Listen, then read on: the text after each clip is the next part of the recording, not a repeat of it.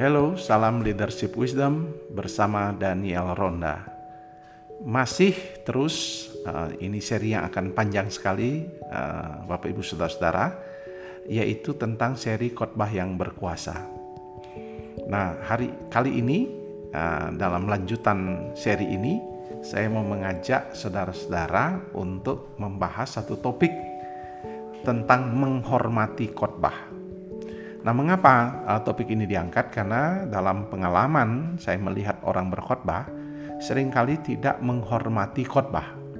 Dalam arti uh, dia naik mimbar uh, tanpa persiapan, tanpa suatu perencanaan dan akhirnya ketika dia naik mimbar dia ngomong ke barat dan ke timur orang Jawa bilang ngalor ngidul tidak ada ujung pangkal dan dia uh, hanya mengomel mungkin bercerita atau melucu dan sebagainya.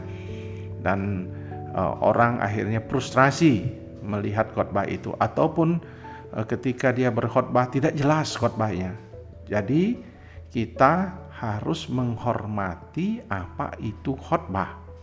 Kalau kita diberi kesempatan naik mimbar maka hormatilah peluang itu, kesempatan itu gunakan sebaik-baiknya dan ini privilege yang luar biasa yang Tuhan berikan kepada kita untuk berbicara di depan umat. Sebab itu kita harus menghormati pelayanan mimbar, menghormati pelayanan berkhotbah ini. Nah, bagaimana sebelum kita uh, belajar lagi nanti teknik-teknik menyusun khotbah, maka uh, kita harus menghormati pelayanan mimbar itu. Jadi topik kita tentang menghormati pelayanan mimbar atau menghormati khotbah. Nah, yang yang pertama dalam kita menghormati pelayanan mimbar adalah pertama, jika kita membaca teks Alkitab dalam khotbah, hormatilah teks itu. Artinya, jangan hanya dibaca teks itu lalu ditinggalkan dan membahas hal-hal lain yang tidak ada hubungannya dengan teks yang pertama kali dibaca jadi bisa jadi kita tergoda langsung untuk menasihati, bercerita pengalaman, bercerita tentang kesaksian, mungkin minggu lalu saudara sedang bepergian atau sedang-sedang melayani dan sebagainya. Eh, tahu saudara sama sekali tidak menyinggung teks itu sama sekali. Padahal maksud dari khotbah adalah firman Tuhan itu bukan hanya dibaca tetapi diuraikan apa makna dan penjelasan daripada teks itu. Jadi kalau saudara diberi kesempatan untuk naik mimbar untuk berkhotbah menyampaikan firman Tuhan, hormatilah teks yang saudara baca. Hargakanlah itu. Jangan dia hanya jadi penghias. Jadi saudara tidak berkhotbah namanya itu hanya memperalat firman, memperalat Alkitab dan menggunakan Alkitab hanya untuk uh, uh, sekedar disebut rohani bahwa saudara sedang berkhotbah padahal saudara sama sekali tidak menyinggung teks itu dan saudara hanya membicarakan yang lain di luar daripada teks yang dibaca. Jadi yang pertama dalam menghormati pelayan mimbar, hormatilah teks yang saudara baca, uraikanlah dia, jelaskanlah apa maksud teks itu dan apa uh, amanat daripada khotbah teks itu dan kita ubah menjadi amanat khotbah seperti yang saya belajar atau membaca buku Pak uh, Benny Solihin sahabat saya tentang khotbah itu. Yang kedua, uh, dalam menghormati plan mimbar adalah jika kita sudah punya judul atau tema khotbah, pakailah dan jabarkanlah secara konsisten. Karena judul itu tujuan kita mengatakan tema kita pada minggu ini, tema kita dalam khotbah ini adalah bla bla bla bla, maka kita menjelaskan itu supaya jemaat punya tahu arah dari pembicaraan itu tujuan daripada khotbah itu ke mana dia mau melangkah jadi jangan berkhotbah dengan judul yang mungkin menarik, yang mungkin berbombastis, tetapi isinya berbeda dengan judul.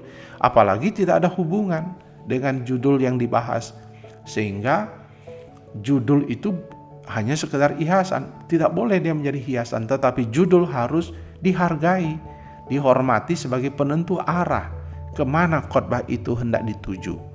Jadi kalau saudara punya judul, harap saudara menggunakannya. Yang ketiga, cerita-cerita dalam Alkit uh, dalam menyampaikan khotbah itu penting, ilustrasi penting, pengalaman juga tidak ada masalah untuk diceritakan, tetapi penggunaannya harus relevan dengan berita khotbah, dengan tema yang kita bangun, dengan, terutama tentang terutama relevan dengan amanat daripada teks kita atau amanat daripada khotbah kita. Kalau kita mengambil sebuah teks dengan tema ini, dengan amanat teksnya ini dan amanat khotbahnya ini, maka ceritanya harus relevan. Boleh mengambil film, boleh mengambil ilustrasi, boleh menceritakan pengalaman dan semuanya. Nanti kita akan membahas tentang hal itu, tetapi harus relevan. Jangan khotbah teks yang ini tujuannya ini, temanya ini, tapi cerita yang lain. Seringkali pengkhotbah begitu, terjebak untuk menceritakan hal-hal yang di luar teks, di luar uh, tujuan dan tema khotbah itu. Nah, ini yang disebut tidak menghormati apa yang kita lakukan di mimbar sehingga jemaat frustrasi melihat ini ke mana pembicaraan kita jadi dia layak untuk memprotes karena kita tidak menghargai pelayanan mimbar itu. Lalu yang keempat adalah kita harus juga menghormati jemaat yang kita layani. Kita harus menghormati mereka. Tidak boleh mimbar dipakai untuk melampiaskan kemarahan, melampiaskan kekecewaan, melampiaskan ketidaksenangan. Eh, that's not preaching. Itu bukan khotbah, ya. Kalau saudara hanya marah, melepaskan kekecewaan, mungkin saudara ada kecewa dalam pelayanan, dalam rapat atau apa pun saudara tidak boleh bawa itu ke mimbar dan naik. Kita bicara bisa bicara dosa, bisa bicara tentang teguran, tetapi semua dibungkus dalam kasih Kristus. Dan ingat, kita berkhotbah bukan untuk menghina, mempermalukan jemaat, tetapi kita berkhotbah untuk membuat jemaat mengalami pemulihan dan menjadi dewasa dan dia bertumbuh dalam kasih Kristus dan sempurna dalam kasih Kristus. Teguran tentu tidak ada masalah, tetapi teguran harus dalam kasih Kristus. Nah, yang kelima dan yang terakhir, bagaimana kita menghormati pelayanan mimbar adalah harus menjadikan Kristus pusat daripada khotbah kita. Jadi bukan manusia yang mendapat pujian dalam khotbah. Setelah selesai khotbah tentu ada orang berkata terima kasih khotbah kita uh, uh, baik diberkati maka saudara berkata apa sebagai pengkhotbah katakan puji Tuhan segala kemuliaan bagi Tuhan hanya bagi dia jadi saya selalu kalau dikatakan terima kasih Pak khotbah yang memberkati ya kan puji kepada Tuhan bukan kepada saya saya tidak akan bilang terima kasih terima kasih saya tidak menerima itu sebagai komplement untuk saya tetapi saya kembalikan kepada Tuhan karena Kristuslah pusat khotbah kita, bukan manusia.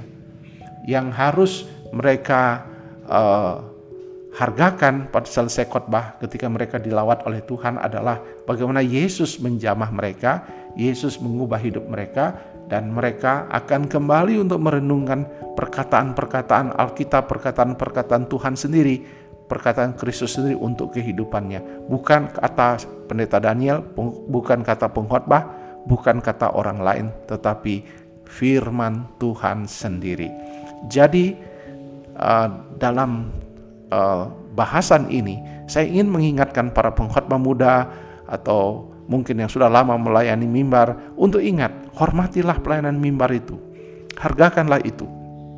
Jadilah orang-orang yang sungguh-sungguh mengerti setiap langkah-langkah yang kita buat.